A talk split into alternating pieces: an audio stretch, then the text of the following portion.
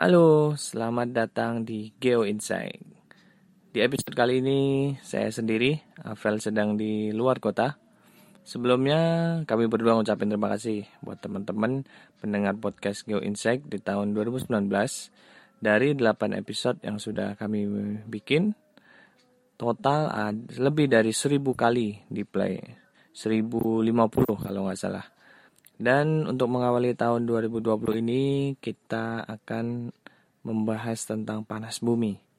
Dan kali ini saya sudah berada di kantornya Pertamina Geothermal bersama Pak Tafib Dwi Koryanto. Halo Pak Tafib. Halo juga. Ya, gimana Pak kabarnya Pak? Sehat Pak? Alhamdulillah sehat semuanya. Ya Pak Tafib Dwi Koryanto ini uh, eh, VP eksplorasi di Pertamina Geothermal dan sudah 27 tahun Pak ya, ya. di Pertamina Geothermal.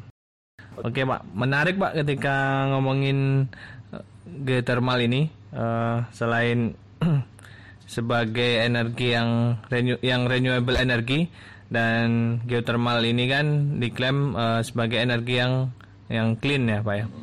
Dan potensinya uh, besar. Sangat besar ya di Indonesia, Pak. Ya. Seberapa besar sih, Pak, eh, potensi panas bumi ini di uh, Indonesia gitu? Terutama cadangannya berapa? Boleh diuraikan, Pak? Oke. Okay. Oke, okay, jadi uh, kalau berbicara cadangan geothermal bahwa 40 persen sebenarnya 40 persen potensi geothermal di dunia itu ada di Indonesia. Jadi uh, dari data yang terbaru, update data dari uh, Dirjen EBTKE selaku uh, perwakilan pemerintah di bidang geothermal bahwa cadangan geothermal di Indonesia adalah sekitar 25.386 megawatt, artinya sekitar 25 ribu, 25 gigawatt. 25 gigawatt. Jadi uh, kenapa bisa uh, sebesar ini. Karena apa? Karena memang posisi Indonesia itu sangat strategis, di mana Indonesia kalau secara tektonik lempeng ya, itu kalau kita bagi dua yang di sebelah utara dan selatan, di bagian di sebelah utara itu ada tektonik Eurasia, kemudian Pasifik dan Filipina, sementara di bagian selatan Indo-Australia, dan keduanya bertubuhkan uh, menghasilkan suatu uh, daerah penunjaman yang kita kenal dengan Palung, Palung Jawa ya, Palung Jawa, Palung Sumatera, di mana di situlah tempat pertemuan antara lempeng Indo-Australia dan Pasifik, Filipina dan Eurasia, sehingga dari penunjaman itu terbentuk uh, gunung berapi dan di situlah potensi panas bumi tersembunyi. Oke. Jadi sangat besar potensinya Pak ya, 40% persen itu dari yang ada di dunia ya. Jadi uh, bisa dikatakan Indonesia uh, potensinya paling besar di dunia ya. Betul sekali. Oke. Ya. Dan tadi posisi karena adanya kita dilewatin ring of fire ya Pak ya. ya Jadi itu uh, keuntungan buat mm, negara Indonesia untuk mempunyai potensi ya. geothermal. Oke, kalau sejarah uh, pemanfaatannya sendiri Pak di Indonesia sebenarnya ini. proses berbicara sejarah itu sebenarnya sebelum Indonesia merdeka itu sudah dimulai, okay. di mana uh, kita tahu Belanda mulai menjajah kita sehingga mereka itu sudah melaksanakan melakukan uh, bisa dikatakan eksplorasi ya, eksplorasi panas bumi di mana diawali mereka melakukan pemboran pertama kali itu di Kamojang. Kamojang itu lokasinya sebenarnya di posisi di Kabupaten Bandung, dekat dengan Garut. Um, jadi tahun 26 itu pemerintah India Belanda itu melakukan pemboran lima sumur. Memang di daerahnya di daerah sekitar kawah dan terbukti bahwa uh, dari situ keluar steam panas bumi yang bisa dimanfaatkan itu tahun 26. Kemudian berhenti, berhenti pada kemerdekaan dan sebagainya, baru tahun 71 itu mulai dilakukan uh, uh, studi eksplorasi oleh pemerintah Indonesia yang bekerjasama dengan pemerintah New Zealand. Mulai tahun, 7, tahun 71 sampai 74 mulai eksplorasi dan baru pada tahun 1983 itu uh, secara komersial ya, secara komersial geotermal uh, diproduksikan di Kamojang. Walaupun sebenarnya tahun ya, 96 ya, yang kita punya sebenarnya pilot project itu sekitar 250 kafe atau sekitar seperempat mega ya. Seperempat mega. Itu pernah kita coba di di Kamojang sebelum tahun 83. Jadi baru komersial itu sejak 1983. Itu sebesar 30 megawatt dan saat ini di Kamojang sudah 235. Artinya sudah ada 5 unit di sana. Sekarang di Kamojang berapa tadi? 235 megawatt. Itu terdiri dari 5 unit PLTP ya. Hmm. Kalau di Indonesia sendiri Pak, uh, hmm. wilayah kerja panas buminya Pertamina Geothermalnya ada berapa Pak? Wilayah kerja Pertamina itu ada 14, ya ada 14 itu tersebar di uh, Sumatera, kemudian di uh, Jawa, Sulawesi, itu. Jadi di di di pulau-pulau itu di uh, dari 14 satu lagi ada di uh, di Bali ya, di, di Bedugul, ya? Bedugul ya. Jadi itu termasuk WKP Pertamina ada 14. Yang paling besar menghasilkan paling besar itu adalah di uh, Gunung Salak sebesar 377 megawatt di mana Gunung Salak ini WKP-nya punya Pertamina. Ya. Tapi dikerjasamakan dengan uh, perusahaan namanya uh, Star Energy. Okay dan pembaganya sekitar 377 megawatt. Itu yang paling besar. Hmm. Ya. Kalau untuk uh, roadmap uh, rencana pengembangan panas bumi di Indonesia ini uh, targetnya dari pemerintah sendiri kan ke depannya uh, pasti akan uh, meningkatkan kapasitasnya dari panas bumi ini pak dan mengurangi energi ya, uh, fosil nih pak. Ya. Di roadmap rencana pengembangan panas bumi di Indonesia itu bisa dijelaskan mungkin Pak? Jadi uh, terupdate ya informasi terupdate kemarin. Jadi pada semester kedua kemarin tahun 2019 tahun ini juga. Jadi bersama-sama Dirjen BTKE uh, selaku regulator uh, geothermal di Indonesia mewakili pemerintah bersama dengan Dirjen Ketenagalistrikan, kemudian Badan Geologi, PLN dan juga Asosiasi Panas Bumi Indonesia (API) menyusun roadmap pengembangan fungsi dari 2019 sampai 2030. Dengan target itu di tahun 2025 itu sekitar 7.242 megawatt. Itu di tahun 2005. Kemudian di tahun 2030 itu adalah sekitar 10.000 megawatt. Itu secara keseluruhan. Nah, di sini uh, dari PG sendiri, dari PG sendiri juga sudah punya roadmap uh, untuk mendukung roadmap daripada pemerintah, di mana saat ini ya, saat ini di PGE itu sudah terinstall 672 megawatt. 672 ya dari ya, Pertamina gitu Dari Pertamina sendiri. Dari PGE sendiri juga sudah punya roadmap itu sampai tahun 2026 itu targetnya adalah sekitar 1112 megawatt. 1100 ya Pak 1112 megawatt itu dari sisi PGE. Jadi artinya PGE akan support uh, ke pemerintah dari target tadi sekitar 7.000 ya tahun 2025 hmm. itu sekitar sepertujuhnya itu dari Pertamina. Oke, artinya yang sisanya itu sekitar 6 ribuan nanti dari perusahaan-perusahaan yang lain ya Pak ya. Oke. Uh, tadi kan potensinya sangat besar nih Pak. Uh, 25 ribu gigawatt ya Pak ya? Atau 25, 25 ribu megawatt. 25 ribu megawatt, ya, sorry, 25 gigawatt tadi ya. Oke, dua, dari 25 ribu megawatt itu roadmap pemerintah sendiri baru 2026 nanti kan 7 ribu Pak ya? Ya, 2010, uh, eh sorry, 2030 10 ribu. 2030 10 ribu, ya. artinya itu masih uh, setengahnya kurang Pak ya? Setengah kurang Iya, itu uh, mungkin apa yang menyebabkan energi geotermal ini Pak dari potensinya yang begitu besar cuman pemanfaatannya uh, belum optimal gitu pak? Ya, okay.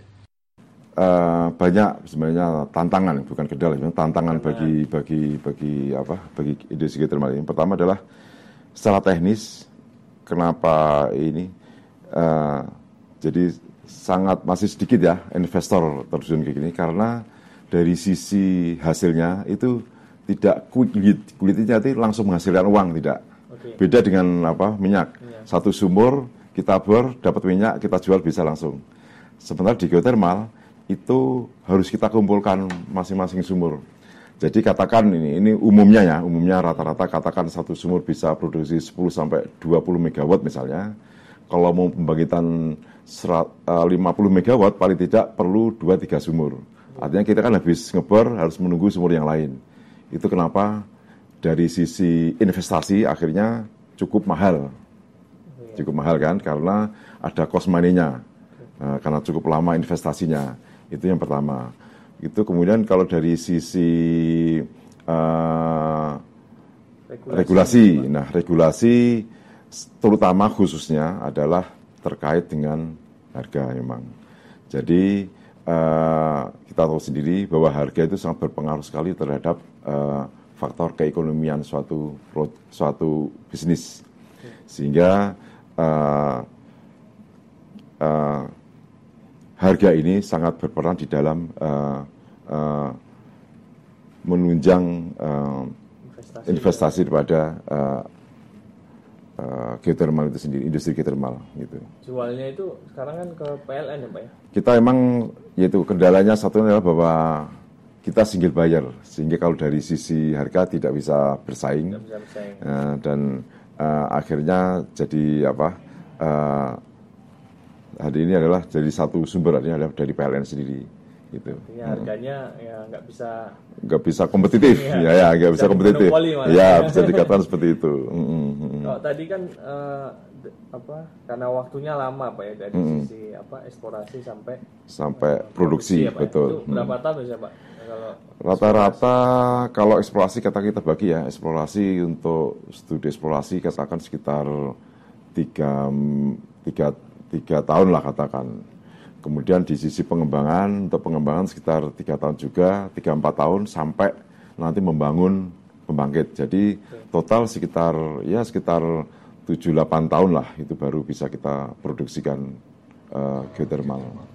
Artinya tantangannya tadi uh, selain dari sisi eksplorasi sampai produksi yang lama uh, sehingga kurang menarik uh, investor, investor dan regulasi tentunya Pak ya, ya. regulasi dan uh, terutama karena di Indonesia single buyer ya dari ya, uh, eh, PLN itu sendiri. Oke, Pak, kalau geothermal ini kan uh, diklaim sebagai energi yang bersih gitu, Pak. Ya. Memang uh, sebersih itukah energi uh, geothermal untuk dipakai di dunia gitu? Ya, Pak? betul sekali.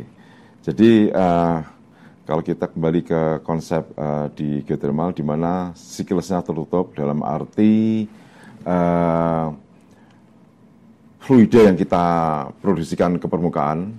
Jadi nanti sampai di atas fluida itu sampai permukaan akan dipisahkan antara steam dan uh, air. Steamnya masuk ke turbin, airnya masuk ke lagi ke dalam sumur untuk diinjeksikan.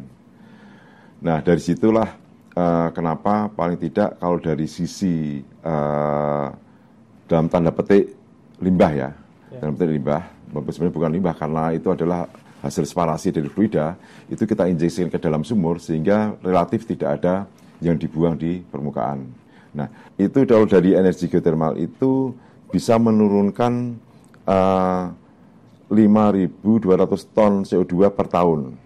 Artinya uh, kalau kita sekarang nih posisi PGI adalah 672 megawatt, itu artinya per tahunnya kita kita kita itu bisa menurunkan emisi itu sekitar 9,7 juta ton CO2 per tahun. Menurunkan emisi. Menurunkan, ya, ya betul. Jadi dia nggak menghasilkan. Kita menghasilkan, dia menurunkan emisi, ya. Hmm.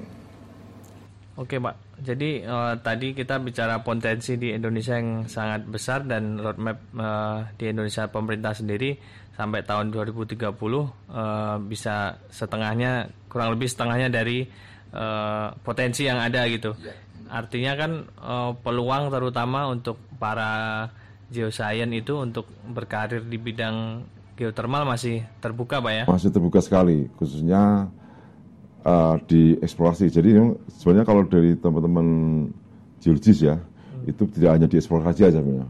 Hanya di eksplorasi sampai ke pengembangan pun memungkinkan. Dalam arti gini, kalau di eksplorasi memang kita concern ke apa uh, untuk mengeksplor atau mensurvey ya.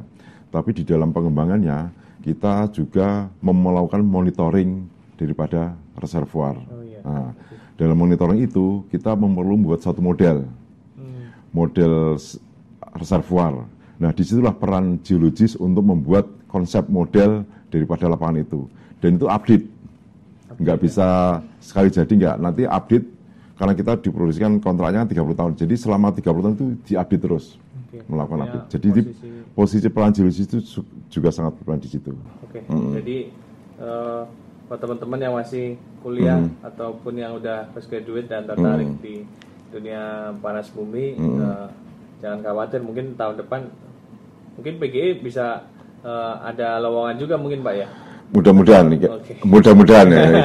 itu kembali nanti ke kebijakannya karena memang uh, uh, tantangannya itu ya karena memang kalau dari sisi uh, perusahaan masih sedikit ya yang yeah. bergerak di bidang geothermal sehingga ada keterbatasan di situ. Ya. ya. Perusahaannya so, sendiri yang di Indonesia uh, mungkin bisa dihitung hitung dengan jari. Cuma sekarang Pertamina, kemudian Supreme, Supreme Star Energy, udah yang the big three ya istilahnya ya. Yeah. Uh, Eh sorry, ada Geodipa sekarang, oh, ya, Geodipa. Jadi jadi bisa dikatakan masih sedikit. Dan ya. yang paling hmm. punya paling besar tuh di Pertamina ya, gitu ya. Pertamina kalau dari sisi ini ya, dari sisi lapangannya ya. Lapangan, Karena memang uh, lapangan Pertamina ada 14 WKP di mana dari 14 itu yang kita kerjasamakan ya. Tadi dengan dengan Star Energy itu di derajat, kemudian di uh, Salak. Nah, kemudian Star Energy punya alapan sendiri juga di Wayang Windu. Ya, itu tadi kita udah ngomongin uh, dengan Pak Tafib nih potensi kemudian uh, tantangannya apa, kenapa geothermal belum begitu uh, pesat tumbuhnya di Indonesia pemakaiannya dan roadmap dari pemerintah sendiri sampai uh, tahun 2030 cukup uh, besar nilainya. Mungkin uh, teman-teman yang nanti ada pertanyaan bisa uh, nanya di sosial media kami. Nanti kita bisa sampaikan pertanyaannya ke uh, Pak Tafib untuk uh, kita diskusikan. Oke mungkin uh, terima kasih Pak Tafib atas waktunya di episode kali ini. Uh, terima kasih teman-teman yang sudah mendengarkan. Sampai jumpa di episode selanjutnya. Bye bye